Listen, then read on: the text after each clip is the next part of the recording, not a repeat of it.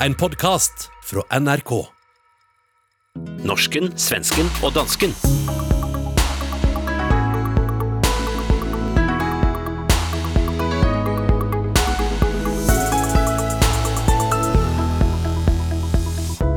Var svenske Lars Norén Skandinavias frieste tenker? Danmark er best på filmskaping og coronahåndtering, og en nordmand er intervjuet på dansk radio på engelsk.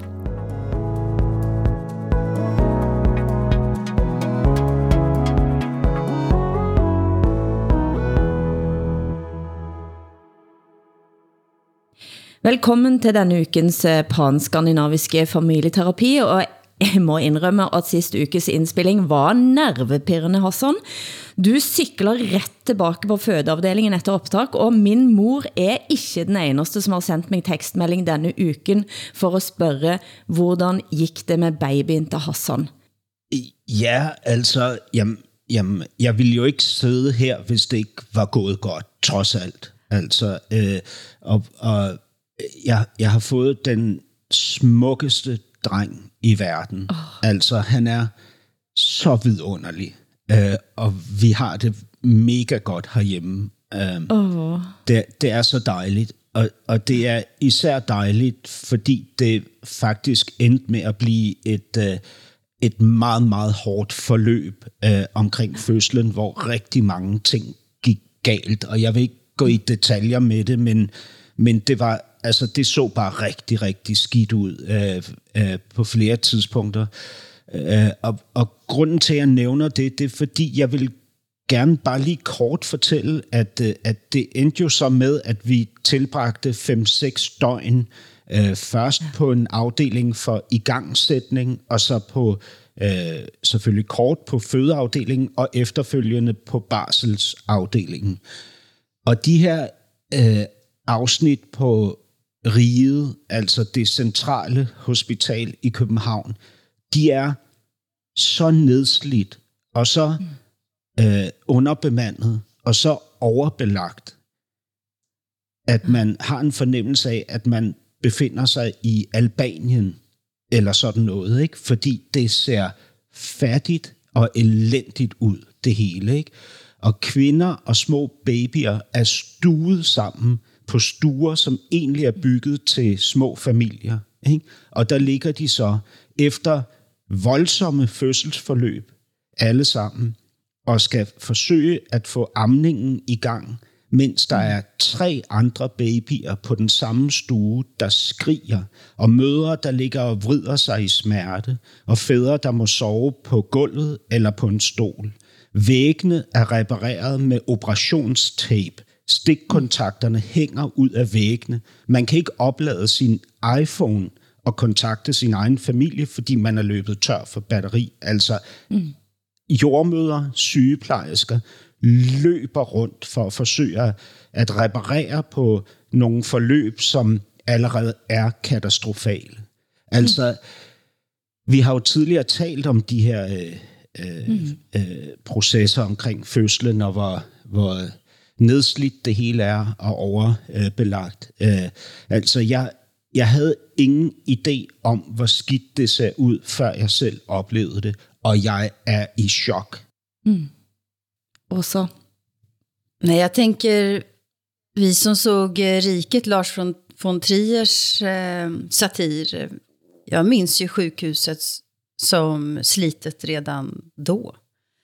Yeah. Mm. Eh, men det är ju det är ett sjukhus som står oss svenskar väldigt varmt om hjärtat kan jag säga. Antar att din vackra dräng kom ut till världen och sa danskjävlar det första han gjorde. Mm. Jamen, du refererer jo til den svenske læge, som stod oppe på taget af Rigshospitalet og skreg mod sit, uh, mod sit fædreland. Uh, dansk jævler. Deroppe, der kan man ikke stå længere, for der er i dag bygget en helikopterplatform. Ah, okay. øh, så det kan ikke længere lade sig gøre. Men, men altså, prøv at høre, det er jo... Altså, jeg, jeg synes jo på en måde, at en nations, øh, hvad kan man sige, øh, selvforståelse og øh, oplevelse af egen værdi øh, kommer til udtryk gennem den måde, vi introducerer vores nye borgere ind i nationen. Ikke? Og, vi, og, vi, og hvis det står for troende, så er der øh, noget øh, completely rotten in the state of Denmark. Problemet är varför har det blivit så här? Och är vi beredda att betala mer i skatt för att det ska bli bättre sjukvård? Eller att ta frågan om, som i Sverige, då, vinster i välfärden för att det ska bli bättre sjukvård? Men framförallt så tänker jag med förlossningsvården, den är ju i kris i Sverige. Det, vi har inte tillräckligt med eh, barnmorskor, vi har inte tillräckligt med platser för de som ska föda barn. Eh, den är i kris, den är fortfarande en av världens bästa, men den befinner sig i kris. Men när man har fått sitt barn så, så tänker man, nu var det klart. Så man tar ju inte strid för bättre förlossningsvård därför att man är färdig med just det där. Och det är samma sak som pensionär, så tar man, man tar inte strid för bättre villkor för pensionärer förrän man är pensionär själv och då är det för sent. Min dotter väntar ju också på att föda barn snart i, i Stockholm. Och, och jag är, är helt enkelt för att jag vet att det är sådana problem med förlossningsvården.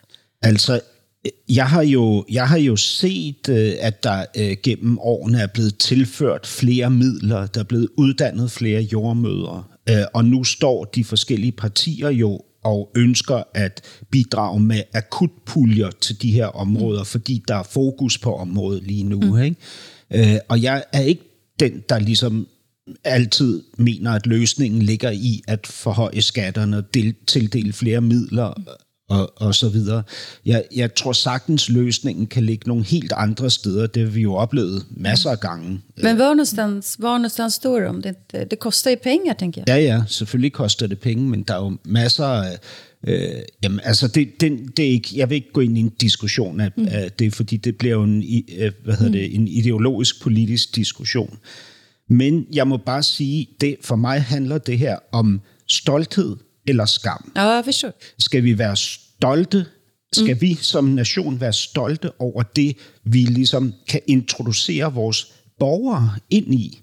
Eller skal vi skamme os over det? Ikke? Og jeg skammer mig over den oplevelse, mm. jeg har haft. Ikke? Det, det burde jo været festivitas mm. at tænke sig, at et barn skal fødes. Yeah. Og når man vet, at fødselstallet går ned i hele Europa, og det er noget, man sliter med, mm. og, og, og politikere som Erna Solberg har gått ut og sagt, vi må føde flere, og så er det dette som møter os. Det burde, man burde bli mødt med en enorm glæde og, og som du siger, Hassan, stolthed. Ja, og overskud. Du, det er fuldstændig rigtigt, Hilde. Ja. Altså, det her er jo... Jamen, altså, så man kan jo ikke se det her som andet end en, altså, en modsatrettet refleksion over lige præcis ønsket om en udvidet befolkningsmasse. Ikke? Fordi hvis man ønsker det, så kan man ikke øh, reflektere sådan, som vi gør nu. Altså reflektere det ud i virkeligheden på den her måde. Ikke? Det, er, det strider mod øh, al logik og fornuft. Ikke? Og jeg må sige for mit eget vedkommende, næste gang, hvis jeg nogensinde skal have et barn igen, ikke? i min høje alder og så videre, så vil jeg gøre, hvad jeg kan, for at det bliver øh, i privat regi. Og prøv engang at se, hvor frygteligt det er, ikke? at vores, et af verdens bedste hospitalsystemer, bliver forladt af mennesker, der bare har øh, et minimum af ressourcer til at føde privat. Ikke? Fordi det er så øh, nedværdigende, det her ydmygende. Ikke? Men har vi något namn på, på din vackra dräng nu då? Vad, vad heter pojken som, som vi har längtat så mycket efter? Jamen, han har ikke noget navn endnu. Altså, øh, Han heter fremdeles Sven. som något annat än han är döpt efter Sven Asmussen. ja, I, I kalder ham jo Svend efter Svend Ja. ja. Asmussen. Ja. Herhjemme, der kalder vi ham bare lillebror Ja, det är inte så dumt. indtil videre. Der, der, er, der er stor uenighed. Jeg, jeg, jeg ønsker jo at opkalde ham efter min elskede morfar. Øh, men mm. problemet er, at han hed Mogens. Og Mogens er et, øh, ja, det er et meget sært gammeldags navn. Og dem, der ligesom har heddet Mogens øh, herhjemme i Danmark, som er offentligt kendt, det er personer som den øh, detroniserede kul- tidligere kulturminister Mogens Jensen. Øh, der er altså også Mogens Kammer, øh, hvad hedder det, parlamentarikeren fra Dansk Folkeparti. Mogens Glistrup. Mogens Glistrup fra Fremskridtspartiet. Ikke? Ja. Det är ingen som bryr sig om dem, om dem längre. Jag tycker det är ett mjukt och fint namn. Ja. Har I navnet Mogens i Norge og Sverige? Nej, Nej, Hvad med Mogens? Mogens. Måns sa vi. Måns. Måns er noe annet. Det är något annat.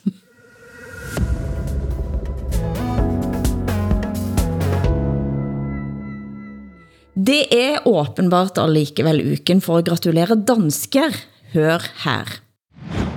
And the Oscar goes to Another Round, Denmark, directed by Thomas Vinterberg. Vi hørte her jubelen fra TV2 sin livesending fra Centropa-kontoret i det det blev annonceret at den danske filmen Druk et glas til hadde vunnet Oscar for bedste utenlandske film. På vegne av oss i Norge og Sverige igen, Hassan, gratulerer. Tusind tak. Eh, Men pri, prisen fik dig altså til at gripe til tastaturet på Facebook, og hvad var det som tirrede dig?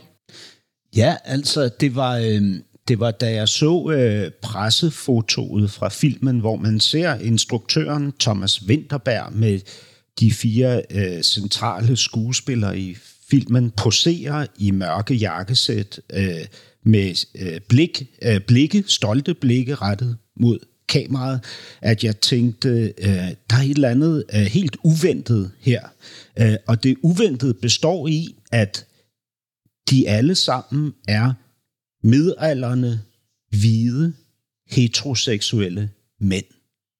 Øh, og det er de jo ikke ved en tilfældighed. Det er de, fordi at filmen skildrer jo hvide, midalderne, heteroseksuelle mænds middelklasse smerte. Øh, og, og det, at den type film kunne vinde en Oscar i disse år, det kom virkelig meget bag på mig. Og så var det, jeg tænkte, øhm, er, det, er det de sidste dødskramper fra netop den her hvide middelklasse mand? Eller er det et stort comeback for ham? Øh, vil vi nu se en øh, øh, sådan en slags Phil Collins øh, re- returneringsturné? Øh, eller er vi nået til et punkt i verdenshistorien, hvor det ikke spiller nogen rolle, om man bare kan premiere en film, fordi den er god? Og dette skrev du, og hvad sa folk? Jamen, det er jo sjovt, fordi så i, i trådene, så kommer det øh, identitetspolitiske kommer ligesom bulrende tilbage igen. Ikke? Mm-hmm. Der er kvinder, der skriver, jamen den hvide mand har aldrig været udstødt og marginaliseret, øh, han er bare paranoid og så videre. Ikke? Men det er jo lige meget. Lad dem bare øh, skrive og gøre, hvad de vil. Hvad tror du også, har, eh, har vi kommet dit hen, at eh, det ikke spiller nogen rolle? Eller er det dødskrampe? Jag vet inte, jag ska säga på för svenska lyssnare så på svenska heter den här filmen En runda till. Och jag har ju fortfarande inte lyckats se den där filmen faktiskt. Jag försökte häromdagen men det var slutsålt. Um, jag tror att de här diskussionerna om representation, det kommer att hålla på och hålla på. Tror jag. Men varmt grattis till, till Danmark. Tak. Åsa, vi har snakket om den svensk-somaliske rapperen Yasin eh, nogle gange, som er tiltalt for vold og kidnappingsforsøg, og du har læst en bok om gængen han er en del av denne uken. Og det har oprørt dig. Hvorfor? Ja, jag läste den här boken Tills alla dör som är skriven av journalisten Diamant Salihu. Eh, och den handlar alltså om konflikten mellan två rivaliserande gangstergäng som kallas Shottaz och Dödspatrullen. Och boken slutar med att två personer döms i Köpenhamn till straff som är så höga som vi i Sverige inte har för så unga människor. Det här har vi pratat om förut ju här i, i podden. Men den här boken handlar bland annat om den här rapparen Yasin, som vi också har pratat om här. Han som alltså nyss vann pris som årets artist på P3, samtidigt som han sitter häktad och misstänkt för grova våldsbrott. Och det som gör mig upprörd här, jag menar ju att det är helt okej att man kan vinna ett sånt pris, att man måste göra skillnad på konst och liv. Men det som upprör mig då, det är ju att Samtidigt som progressiva kulturskribenter i Sverige försvarar den här rapparen Yasin, som alltså sitter häktad för våldsbrott, så tycker ungefär samma människor att det är helt fel att Sveriges Television sänder den här dokumentären om ståuppkomikern Soran Ismail, som har anklagats för våldtäkt under metoo, men som inte fälld för någonting. Mm. Det är alltså helt fel att Soran Ismail får finnas i offentligheten, men det är helt rätt att Yasin får göra det. Mm. Och vad är grunden till det? Nej, jag tror att det har att göra med att det är de här de progressivas dubbla måttstockar som vi hela tiden återkommer till i den här podden. Och där den som är metoo-anklagad hamnar rent rakt ner i helvetet på ett sätt som eh, gangsterkriminella inte gör, vilken kvinnosyn de än har i, när de rappar. Och så säger man också, om jag får fortsätta den här jämförelsen mellan Soran Ismail, som vi fortfarande alltså pratar om i Sverige, och Yasin. Så man säger att Soran Ismail, han borde inte ha fått ställt, han borde inte få vara med i den här SVT-dokumentären, därför att han har inte, som man säger, processat klart vad han har gjort mot de här kvinnorna. Mm. Man ställer absolut inte något liknande krav på Yasin, att han ska ha processat klart alla vapenbrott, knarkbrott och våldsbrott, som vi faktiskt vet att han är skyldig till. Sen finns det en grej till som irriterar mig så mycket i den här debatten om, om gangsterrap. Eh, och det är att vi i Sverige hävdar, eller det finns, att det här är den nya arbetarlitteraturen. Och jag som själv liksom skriver i, eller skrev i alla fall tidigare i den, i den arbetarlitteraturgenren, blir fullständigt vansinnig. För det här arbetarlitteratur handlar om människor som arbetar. Det är det de här människorna inte gör. Det är underklasslitteratur kan man säga. Man kan inte säga att det är arbetarlitteratur. De här försörjer sig på knark och rån. Och det här säger någonting som pratar, de som pratar om det här som nya arbetarlitteraturen, det visar ju någonting om deras syn på, på arbete. Och arbetare, och det är ett hån mot alla de invandrare som också bor i Rinkeby, som varje dag åker iväg till sina arbeten. I hemtjänsten eller var de nu jobbar. Och så får de höra att det är den här gangsterrappen som är arbetarlitteratur. Det är fan ett hån, tycker jag. Det är ju en väldigt stark romantisering då, att den ser på det med, med liksom spännande blick. Och nu är det ju den nya snabba Cash är mm. blivit eh, lagt en Netflix-serie av nu, eh, som ju tidigare blivit filmatiserat också, Lapidus sin, eh, sin bok Snabba Cash. Og den serien har jeg begynt at se på, og, og, og jeg tænker at når man ser det, så er det heller ikke så underligt at man får en eller anden sådan kulhetsstatus over den type egentlig ganske frygtelige liv. Ja, precis. Men den, rom den romantikken, synes jeg, det er ganske... Og det, ja, du, Hassan, du rister på hovedet. Vi har jo tidligere snakket om Jaja Hassan, sådan, som var poeten fra eh, som gjorde noget af det samme som det denne denne gangsterrappen gør, sant? Ja, og vi har også gangsterrapper i Danmark, mm. øh, klart. Øh, det, det, er sådan en, altså, det er jo sådan besynderlig, et besynderligt mix mellem en form for, hvad kan man sige, sådan almoderlig omsorg, man har for de her unge mænd, ikke? at de er marginaliseret, derfor har de ikke noget valg andet end at begå brutal kriminalitet. Ikke? Og samtidig så er relationen til dem jo øh, nærmest seksualiseret, ikke? fordi man sådan tiltrækkes af, af deres øh, muskuløsitet og deres, øh, hvad kan man sige, brutalitet og sådan noget, mm. som, om, som om den repræsenterer noget, som, som øh, ja, ja, sådan noget Tarzan-agtigt, ikke? noget fra junglen. Altså, vi har før talt om moglificeringen, ikke? men det her er jo en tarzanificering af, øh, hvad hedder det, af, af manden, som man ligesom er ude i. Ikke? Det er så det är så sært. Ikke? Altså, men jag tänker, den här, den här journalisten, jag kan rekommendera folk att läsa den här boken eh, tills vi alla dör. Mm. Men, men då, eh, den här journalisten som har skrivit boken, han har träffat kvinnor i, i Rinkeby som, prat, som får berätta om sina bröder som är fast i kriminalitet.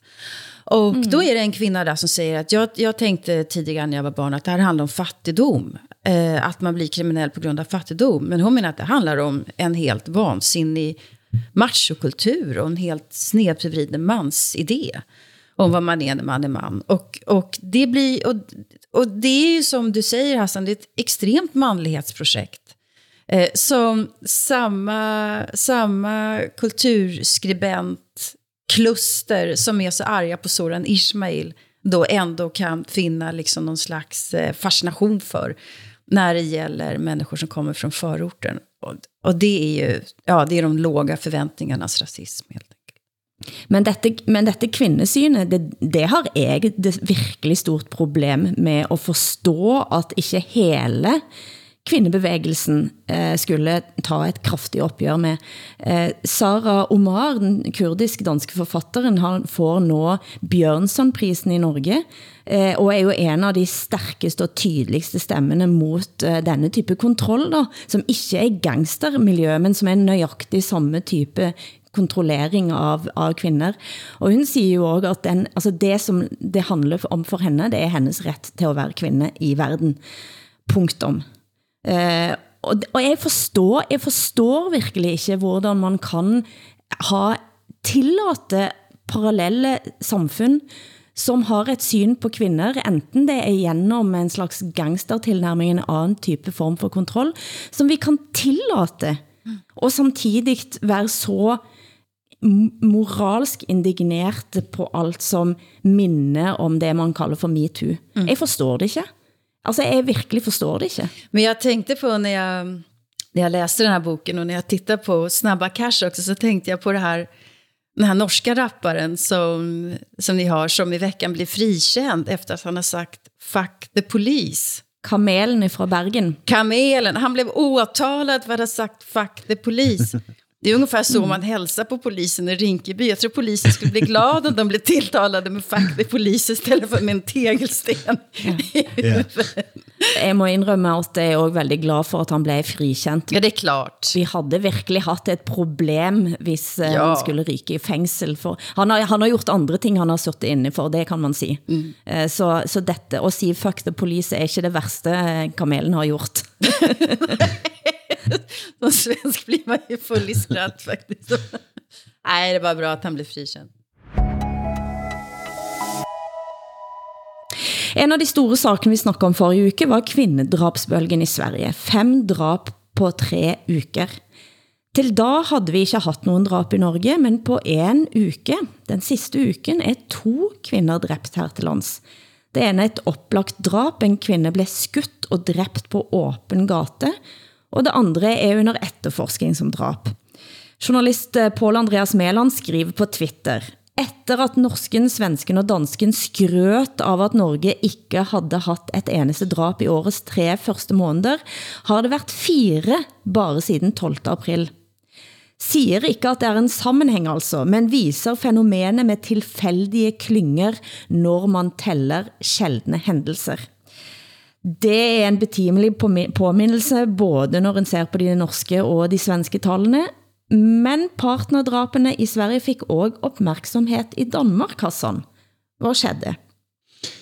Ja, altså øh, på Dansk TV2's Facebook-side, der havde øh, formanden for Dansk Folkeparti, Christian Thulesen Dahl, skrevet en kommentar. Øh, og den kommentar blev af TV2 øh, slettet. Øh, kommentaren drejede sig om, at øh, Christian Thulesen Dahl øh, Øh, mente, at man i Sverige gennem årene har ført en fuldstændig ansvarsløs udlændingepolitik. Øhm, og dermed forbandt han så de her drab med øh, immigrationen. Øh, og, øh, og det mente TV2 i udgangspunktet ikke, at der var belæg for, øh, at påstå, og derfor fjernede de hans øh, kommentar. Det har så sidenhen vist sig, da Christian Thulesen Dahl øh, klagede over beslutningen, og TV2 begyndte at undersøge de her drab, at hans øh, kommentar ikke var skudt helt ved siden af, fordi flere af gerningsmændene rent faktisk øh, havde øh, anden etnisk baggrund end svensk. Det här är så, det är så typiskt ändå, tycker jag. Eh, jag menar, statistik, statistiken går inte att komma runt. Den, den är där. Men det är ändå så typiskt högerpopulister som Christian Tulsendal då att det här är ju den enda kvinnofråga som de är intresserade av. Det är invandrares våld mot, mot kvinnor. Mm. De är inte intresserade av kvinnorna, av offren, utan de är bara intresserade av männen om de är invandrare, inte annars. Men, men når, man, når man så taler om de her, øh, du siger, cifrene er, som de er, øh, altså jeg har forsøgt at finde de svenske cifre, og jeg, jeg kan simpelthen ikke finde dem udelukkende i øh, Danske Kristelige Dagblad, som har lavet en grundig gennemgang øh, af øh, sammenhængen mellem vold, partnervold, voldtægt, øh, mor øh, og anden etnisk oprindelse. Øh, og der kan man jo ud fra Kristelig Dagblads tal, som er tre år gamle, så vidt jeg husker, der kan man jo se, at der er en, en ret markant overrepræsentation i statistikkerne. Ikke? Men, men, Ja, men visst är det det. Visst, og, visst är det det. og debatterer man det i Sverige, eller, eller hvordan? Nej, det gör man inte. Och det är naturligtvis ett problem i sig själv. Jag menar, siffror är siffror, det, det, det kommer man inte ifrån. Men min, min poäng här är ändå att, och jag håller med, det här måste ju vänstern kunna göra, eller antirasister, det, det måste vi göra. Alla feminister måste liksom vara, det spelar ingen roll vem som är förövaren. Men, och, och därför måste man också visa sig bättre än, än högerpopulisterna. Som, det är det som är min poäng, att de är bara intresserade av en enda kvinnofråga. Och det är invandrarmän som slår kvinnor.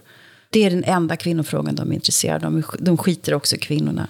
Och de struntar faktiskt också i de vita männen, eller etniska svenskarna, som gör samma sak. Det är, det är helt ointressant för dem. Men visst måste man kunna prata om verkligheten så som den är. Absolut, för att kunna sätta in de åtgärder som behövs. Det är självklart. Du hører norsken, svensken og dansken. Programmet blir sendt i Danmarks Radio, Sveriges Radio og Norsk Rikskringkasting.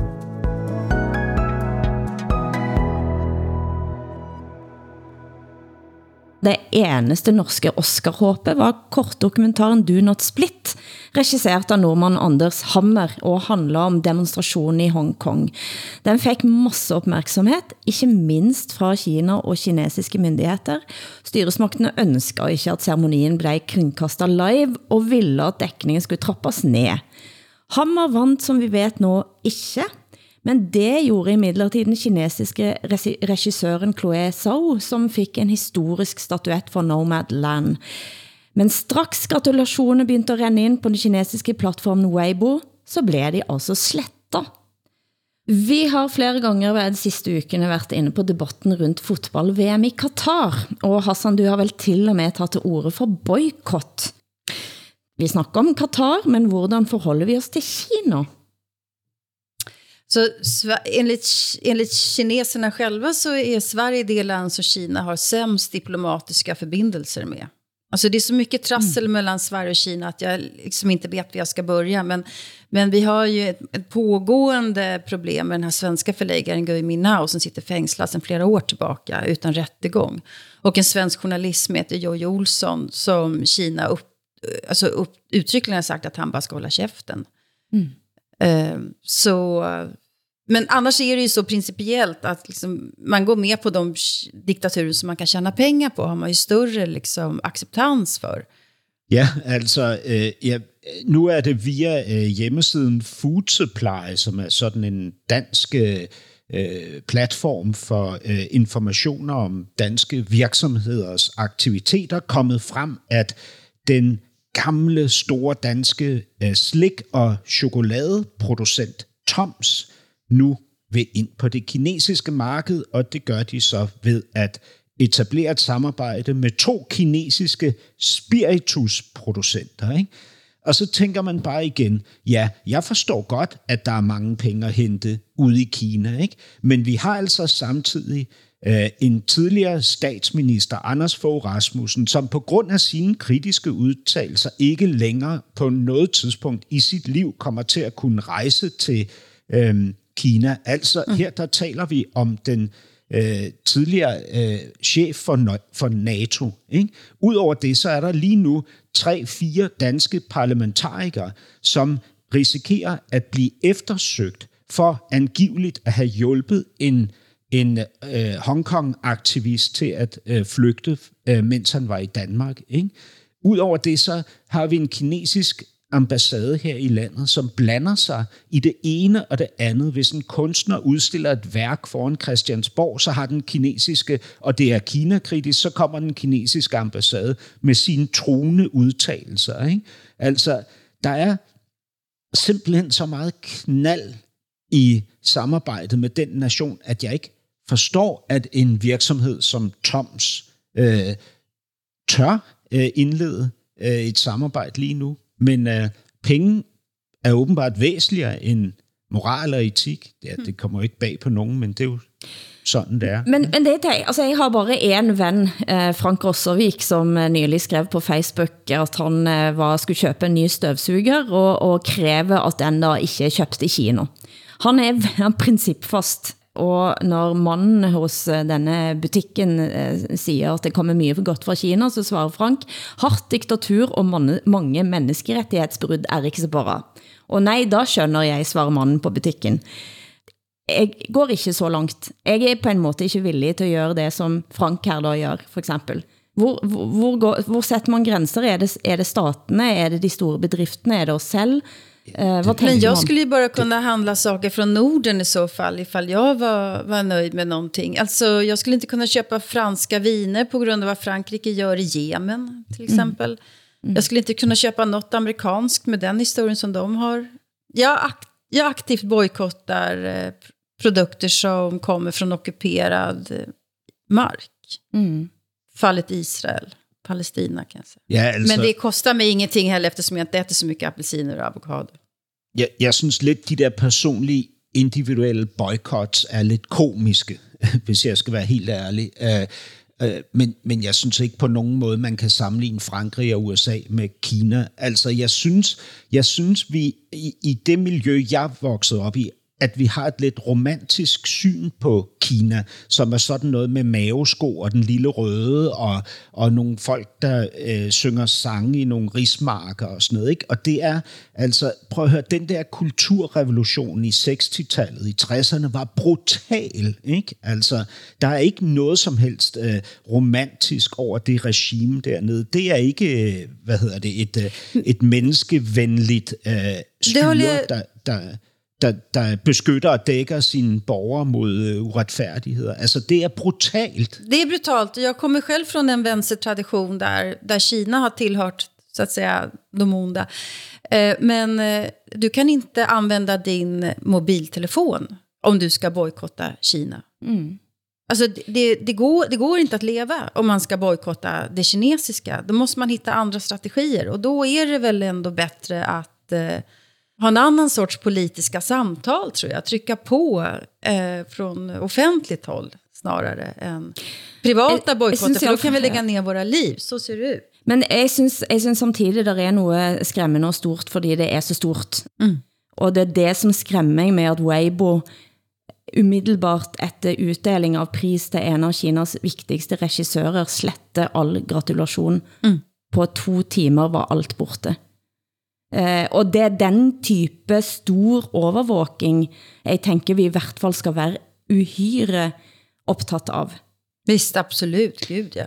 Ja, og så, så må jeg også Men vi sige, ja. altså når, når vi i Danmark har en udenrigsminister som Jeppe Kofod, der mm. øh, når det er omkostningsfrit, godt kan lufte sin Kina-kritik, men når det gælder bakker ud, ikke, så er det jo også, hvad hedder det, kujoneri af højeste rang. Ikke? Og det altså, kan man se, ja, Ja, det, altså, det er akkurat det samme i Norge, som var også en slags fryseboks nogle år efter Nobelprisen. Ja. Vi har smisket os ind igen. Ja, og da, da Ted Huey, som systemkritikeren hed, ikke, øh, flygtede her, i, mens han var i Danmark, mm. så nægtede Jeppe Kofod at mødes med ham. Ikke? Og det har jo glædet de kinesiske myndigheder. De roser Jeppe Kofod for øh, at have, have truffet et øh, markant øh, og tydeligt valg i ikke at mødes med den her systemkritiker. Ikke?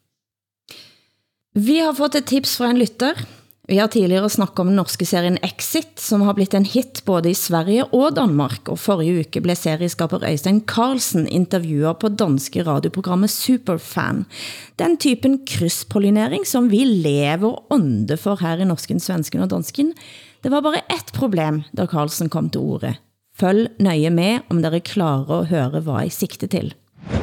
Og vi skal faktisk tale med Øystein Carlsen i dag. Jeg, jeg glæder mig helt vildt. Altså, han må være øh, skængerne skør, tænker jeg. Thank you so much for doing this. We're so happy to talk to you. Yeah, it's a great honor. And uh, seriously, your your show is popping off like crazy in Denmark. Everybody I talk to has seen it. I mean, it's it's become quite a phenomenon. Yeah, it's a, it's a weird thing, isn't it? It's a weird thing indeed. Er det altså så ille? Forstår dansker ikke norsk, Hassan? Altså, altså det, altså i, i min verden, så er det ekstremt øh, uambitiøst, det her. Ikke? Jeg, jeg forstår simpelthen ikke, at man øh, skal springe over i engelsk for at tale med nordmænd, men altså, jeg er jo også vant til at sidde her med, øh, med jer to, ikke? Altså ver, verdens bedste sve, svensker og verdens bedste nordmand øh, en gang om ugen. Så det kan være, at mine ører er meget trænet til at kunne forstå... Øh, norsk. Jeg vil også sige, altså hvis man ligesom øh, et kort øjeblik må være lidt generaliserende, så øh, er det, der præger øh, Danmarks Radio øh, ofte dogenskab. Øh, og det her er for mig et udtryk for dogenskab. Altså, det er jo en fallitterklæring. Vad va, va, sa ni- vad vad var ordet downskap? Dårskap? Doven, dovenskap, latskap, laziness, som det heter på eh, nynorsk. Jaha, okej. Lättja på svenska.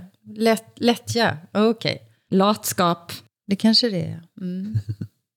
Men samtidig, da jeg gik ind på DR TV sin netspiller, så fik jeg lidt håb for fremtiden, for der markedsfører de fire serier som de mest populære fiktionsserier akkurat nu, faktisk tre av serierne er norske. Førstegangstjeneste, som på dansk heter Rekruttene, nevnte Exit sæson 2, og Rådebank, som på dansk har fået navnet Bensin i blodet. Så det går altså, man burde tro at man kan lære sig lidt norsk med at, at se på tv da i det mindste.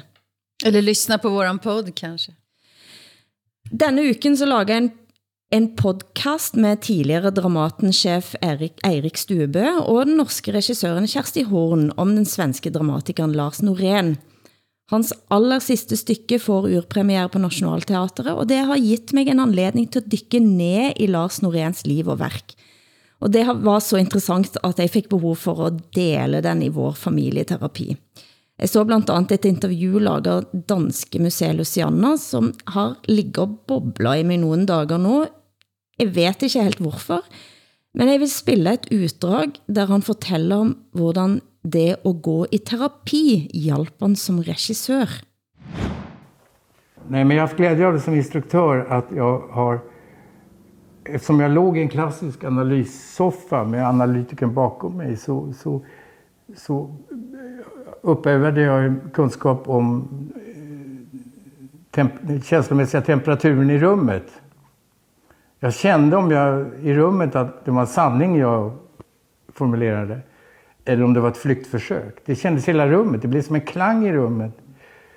Och det blev också som en klang i personen bakom. Att, att trycket föll så att säga. Det, det blev någonting och så kunde man känna att rummet vidgades. Och det känner jag också med skådespelare när de är på rätt ställe i sina uttryck. När de har hört rätt, då, då, då, då, då, då och det har övats upp i psykoanalysen. Tanken om at den kan høre på klangen i rummet, om det man siger er sanningen eller et flugtforsøk. Mm. Forstår dere, hvad han mener, hvad han tænker på? Ja, altså, jeg, jeg forstår, hvad det, hvad det betyder for mig. Og, og, men, mm. men det er jo det, der igen er det centrale omkring det med sandheden. Ikke? Altså, i virkeligheden, så kan vi jo kun lyve over for én person, og det er os selv. Ikke? Øh, og det slår jo tilbage fra væggene omkring os, når vi gør det. Altså, når vi fortæller løgne om os selv og den sammenhæng, vi indgår i, mm. for at bedrage hvem? For at bedrage mm. os selv. Ikke? Altså, det er det, det, det betyder for mig. Altså, han er jo, det er jo så vildt at lytte på Lars Norén. Jeg, jeg hørte den her, øh, det her interview, eller så det her interview med ham, øh, som du havde, øh, som du refererer til, Hilde, og det er jo så, det er jo så fantastisk, hvordan han ligesom, øh, øh, for ham er psykoanalysen jo ikke, hvad hedder det, et redskab til at forbedre sine muligheder i livet. Det, det er et redskab til at undersøge enhver krog af, af sig selv, for at kunne berette om enhver krog af menneskeheden. Ikke? Mm. Øh, og det er så generøst. Altså, det er, det er så bevægende, og jamen, jeg, jeg savnede ham, ja. da jeg så det her. Jeg tænkte på samtalen, som vi havde, da han døde, eh, og både du, Hassan, og Åsa snakker om, hvor få sådanne stemmer som findes. Altså den friheten til at ja, slå i alle retninger, men gå i alle retninger. Eh, og noget af det samme snakker forfatter og podcaster Sigge Eklund om, da han blev intervjuet på TV4 Nyhetsmorgen efter at Norén var død. Jag tycker man, man får inte glömma att han som person också var nästan som någon slags filosof var väldigt inspirerande. Alltså hur han pratade om sitt skrivande, hur han pratade om sitt eget sökande och sådär. Otroligt öppen och otroligt ärlig. Jag tror det är det som har gjort att så många människor har varit rädda för honom. Därför att det finns egentligen ingen annan i offentligheten som är utanför offentligheten som han, som är så fri. Alltså det är läskigt tror jag för många att han var så fri. Att han, många av oss andra har ju, vi har liksom, vi har massa band till vänner, till eh, institutioner som vi jobbar för, eller företag som vi jobbar med, och så vidare. Ehm, massa lojaliteter. Han var ju sedan 30-40 år tillbaka fri och det gjorde att han, han vågade skriva det han tänkte och kände på ett sätt som ingen annan i Sverige gör egentligen. Och det tror jag skrämde många. Det såg man ju när de här dagböckerna kom. De första delarna kom, hur, hur han försökte liksom skjutas ner. Många försökte bagatellisera de där dagböckerna som elaka eller att dagböckerna handlade om hans eh, shoppingrundor och sånt där. Otroligt fånigt sätt att försöka, försöka förringa de där dagböckerna. Men det tror jag var för att han var, han var läskig för många eftersom han just eh, eftersom han, eftersom han var så ærlig. Ja, det er jo det. Altså, så, så Lars Norén kunne jo, eller havde jo truffet et valg om ikke at forblive lojal over for de sociale sammenhæng, men at forblive lojal over for menneskesjælen, ikke? og dermed over for menneskeheden. Og mm. det er jo det, der er så usædvanligt ikke? og smukt, fordi det, for mig at se er det sådan, at frygt og frihed går hånd i hånd. Ikke? Og derfor så træder vi alle sammen øh, frivilligt ind i det fængsel, som trygheden er. Ikke? Øhm, det, det, det er der, jeg er i hvert fald. Jeg er ufri. Ikke? Jag tänker, jag tänker att Noréns frihet den, den øh, yttrade sig på och kamp efter sanning, eller sanningssökandet, på två sätt. Dels konstnärligt i dramatiken, jag tänker framförallt den här 7-3 och när han, liksom, när han låter eh, nazister, riktiga nazister sitta på scen i en slags sanningssökande. Och då är, då är ju Norén eh, extremt modig som, som gör det där. Men sen har han sitt dagboksprojekt också. Eh, där, där han nämner tusentals människor. Eh, och eh, ofta ganska ofördelaktigt, eller ibland väldigt, väldigt, väldigt elakt.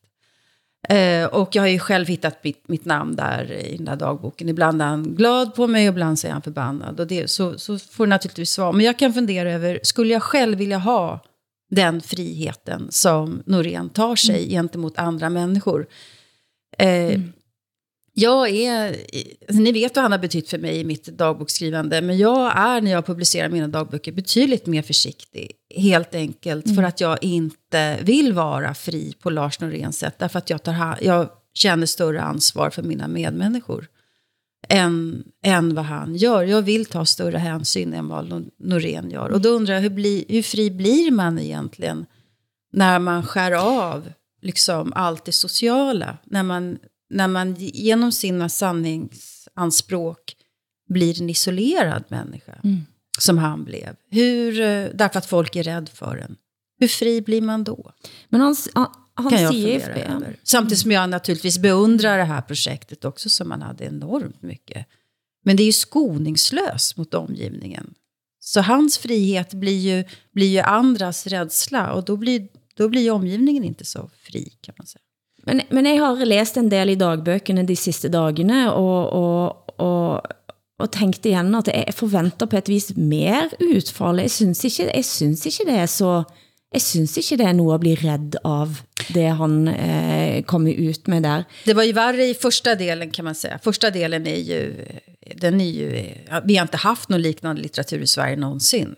Och sen blir han ju mildare på slutet. Men jeg oplever jo at det han snakker om er en eksistentiell form for sandhed, og når han snakker om denne klangen i rummet, som i alle fall jeg kan genkende, hvad han snakker om med at genkende situationen, der en har et flugtforsøg. Visst. Altså der en flygter, sant? Ja. Og det er en eksistentiell egen sandhed, som er en sandhed for han. Og den sandheden, den viser jo han igen og igen bare kan ændres på, fordi han skifter syn. Og det tænker jeg også er noget af det rause, eh, at man kan skifte syn. Mm. Men det fik mig til at tænke, hvem opleves som de frie stemmene i dag? Åh gud. Ja. Bra fråga. Ja, det er et godt spørgsmål, ikke? Fordi der ser man sig jo omkring, og så ser man øh, en masse kunstnere i Danmark, øh, mig selv inklusiv, som bruger det meste af vores øh, vågne tid på at slikke tidsånden i røven, ikke? Øh, og, øh, og, og savner øh, de her øh, individer, som stiller mm. sig fri, ikke? Ikke for at ydmyge og nedgøre, øh, tværtimod for at ophøje, ikke? fordi det er jo ophøjende at, øh, at promovere øh, mennesket som et komplet menneske, ikke som en skal eller en figur eller et, øh, et skønmaleri. Ikke? Det er jo ophøjende. Det er jo enormt, mm. det er jo det smukkeste. Ikke? Og, mm. og jeg er sikker på, at altså, Lars Norén kender sine egne skyggesider. Ikke? Mm. Og han, han friskraber jo ikke sig selv fra at fra, fra det her, han tegner, altså med det korrupte, det nazistiske, mm. Det ubehagelige. Det, det... Til og med det pædofile, som han går i møte med, ja, ja, og stiller åbne spørgsmål. Altså, okay, nu kaster jeg mig ud i et forsøg, øh, som jeg sikkert vil blive kritiseret for, men der er jo sådan nogle stemmer på YouTube øh, i Skandinavien i den her tid, som er nogle meget sære stemmer, men som jo lægger sig i slipstrømmen af det frigjorte. Ikke? Hvad man så end i øvrigt synes om dem. Ikke? På, I Sverige der har man en libertarianer, der hedder Henrik Jønsson, øh, entreprenør, forfatter og samfundsdebattør. Ikke? Folkhälsomyndigheten vilseledde enligt Sveriges Radios Ekot i höstas det svenska folket genom att spela ner smittspridningssiffrorna. Samtidigt inför Myndigheten för press, radio och TV sanningsgranskning av medier som ska berättigas mediestöd. Jag kommer aldrig att ta emot något pressstöd och behöver därför inte heller granskas av myndigheterna. Inte än i alla fall. Jag litar istället helt till ert frivilliga stöd av min videoproduktion via något av betalningsalternativen här ute till vänster. Det är endast tack vare er generositet som jag kan fortsätta att göra aktuella nya videokrönikor varenda vecka. Så ett stort, stort tack! Jeg vet ingenting om honom. Nej, altså... Nej men det siger, det siger ganske mye, for det siger jeg, tænker jeg, eh, Åsa, for han har 90 000 følgere på Facebook, og du jobber i mainstream media. Han, træng, han træffer veldig mange. Jeg synes det er interessant, du ikke vet nogen ting om, hvem han er. Ja, nej, men svenska offentligheten är så stor, det är så mycket att hålla reda på ändå tycker jag. Och eh, vad jag nu har förstått, det är någon högerpopulist som, som eh, är väldigt skicklig helt enkelt. Och det är klart att man måste hålla koll på dem, men de är ganska många också i Sverige just nu. Men Hassan, du havde flere. Jamen, Forlåt Hassan, men, jeg vil høre ja, men, men jeg, jeg, jeg synes jo ikke, ja, altså vi kan jo sagtens afskrive dem ved at kalde dem populister og, mm. eller højrefløjsretorikere. Det kan, det kan vi jo godt, men de har mange millioner views på deres, øh, ja, ja, på deres vist, posts. vist. Ikke? Og, øh, og på samme måde, så har vi i Danmark en, øh, ja, en, en fyr, som kalder sig anarkokapitalist. Ikke? Han hedder Lars Krav Andersen, er tidligere politibetjent, soldat og jurastuderende, men siger om sig selv, at han siden hen er blevet et meget bedre menneske. Og han laver så videoer om, om han laver videoer om politik, aktivisme og guides i forhold til lovgivningen og omgåelse af lovgivningen. Ikke? Og han er jo også, øh, ja, er han ikke på den yderste højrefløj, vil jeg mene. Altså, Øh, han interviewer Rasmus Paludan og lader sig i øvrigt øh, også repræsenterer ham, når han er i retten. Ikke? Rasmus Paludan, som er øh, partileder for det, øh, for det højreorienterede parti Stram Kurs, og i øvrigt også advokat. Mm. Øhm, Mm. men, men altså, der, der sker noget vibrerende. Altså, der er noget, der er levende. Der er noget, der er risikofyldt. Øh, der er noget, der er der skubber til os der. Ikke? Og hvor ville jeg bare ønske, at det var mine brancher, der gik foran. At det var inden for teateret og filmen og litteraturen og sådan noget, at der blev skubbet og puffet, og, og at der stod frigjorte, intelligente, kreative mennesker og, og krævede individets ret, ikke? Som, Mhm. som stillede, stillede sig an for at kæmpe for det komplette menneske, og, og ikke for de her åndssvage konstruktioner, vi bruger 99 procent af vores tid på hele tiden. Ikke? Mm.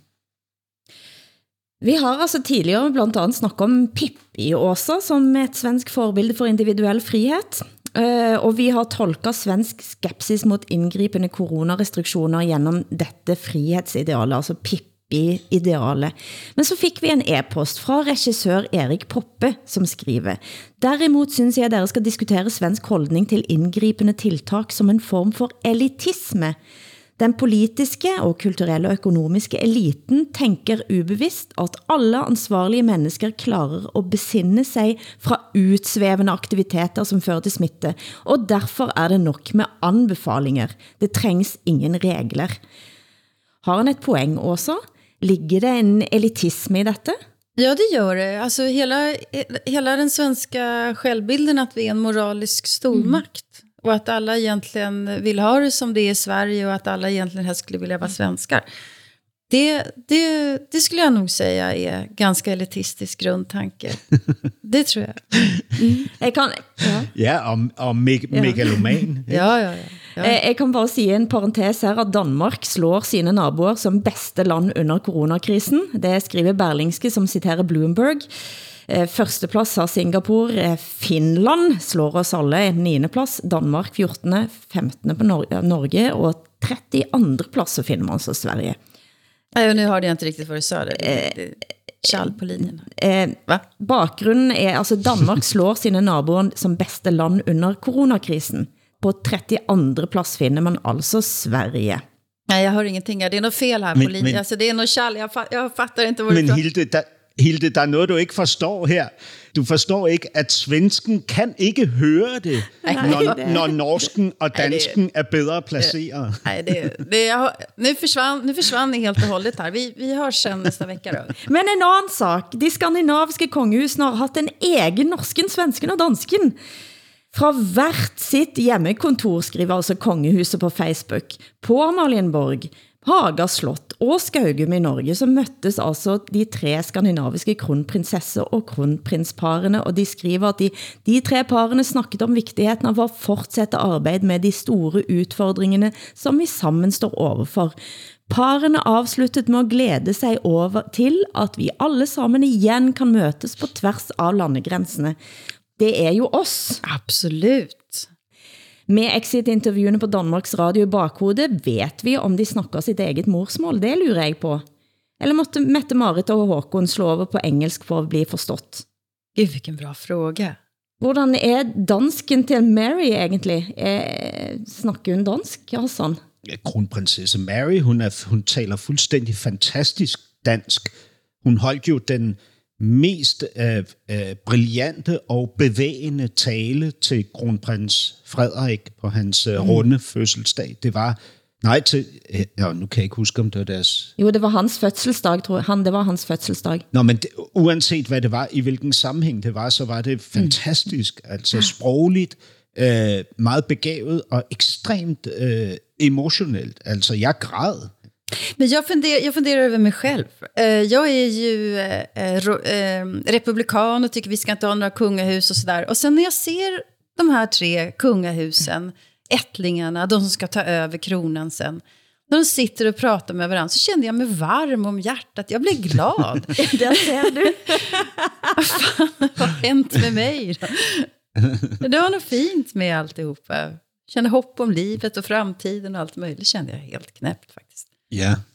Jo, men det er jo også fordi, hvis vi ligesom skal, altså fuldstændig skal overdrage vores nationer i, hænderne på, på øh, statsledere som dem vi har, og embedsmænd som dem vi har, og sådan noget, så, så virker det bare for banalt på en eller anden måde, ikke?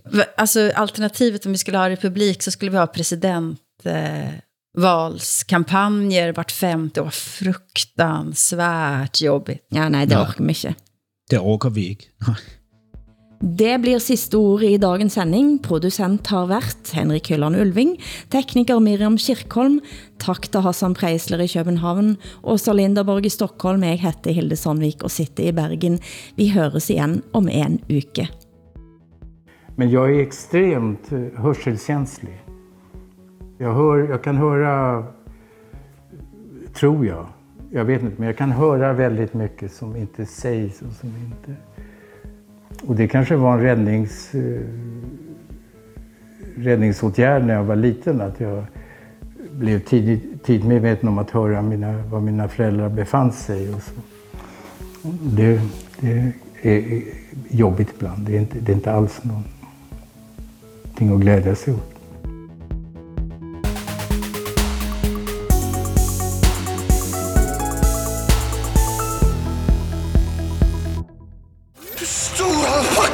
Før så samla vi oss for å høre på radio.